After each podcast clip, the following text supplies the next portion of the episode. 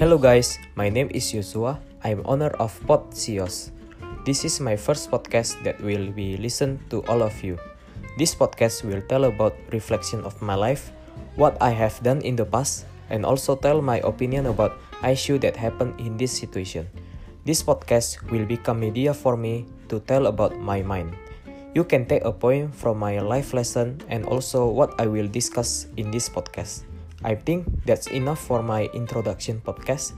If you have any question or suggestion, you can direct message to me at Instagram podsios or direct message to my private Instagram.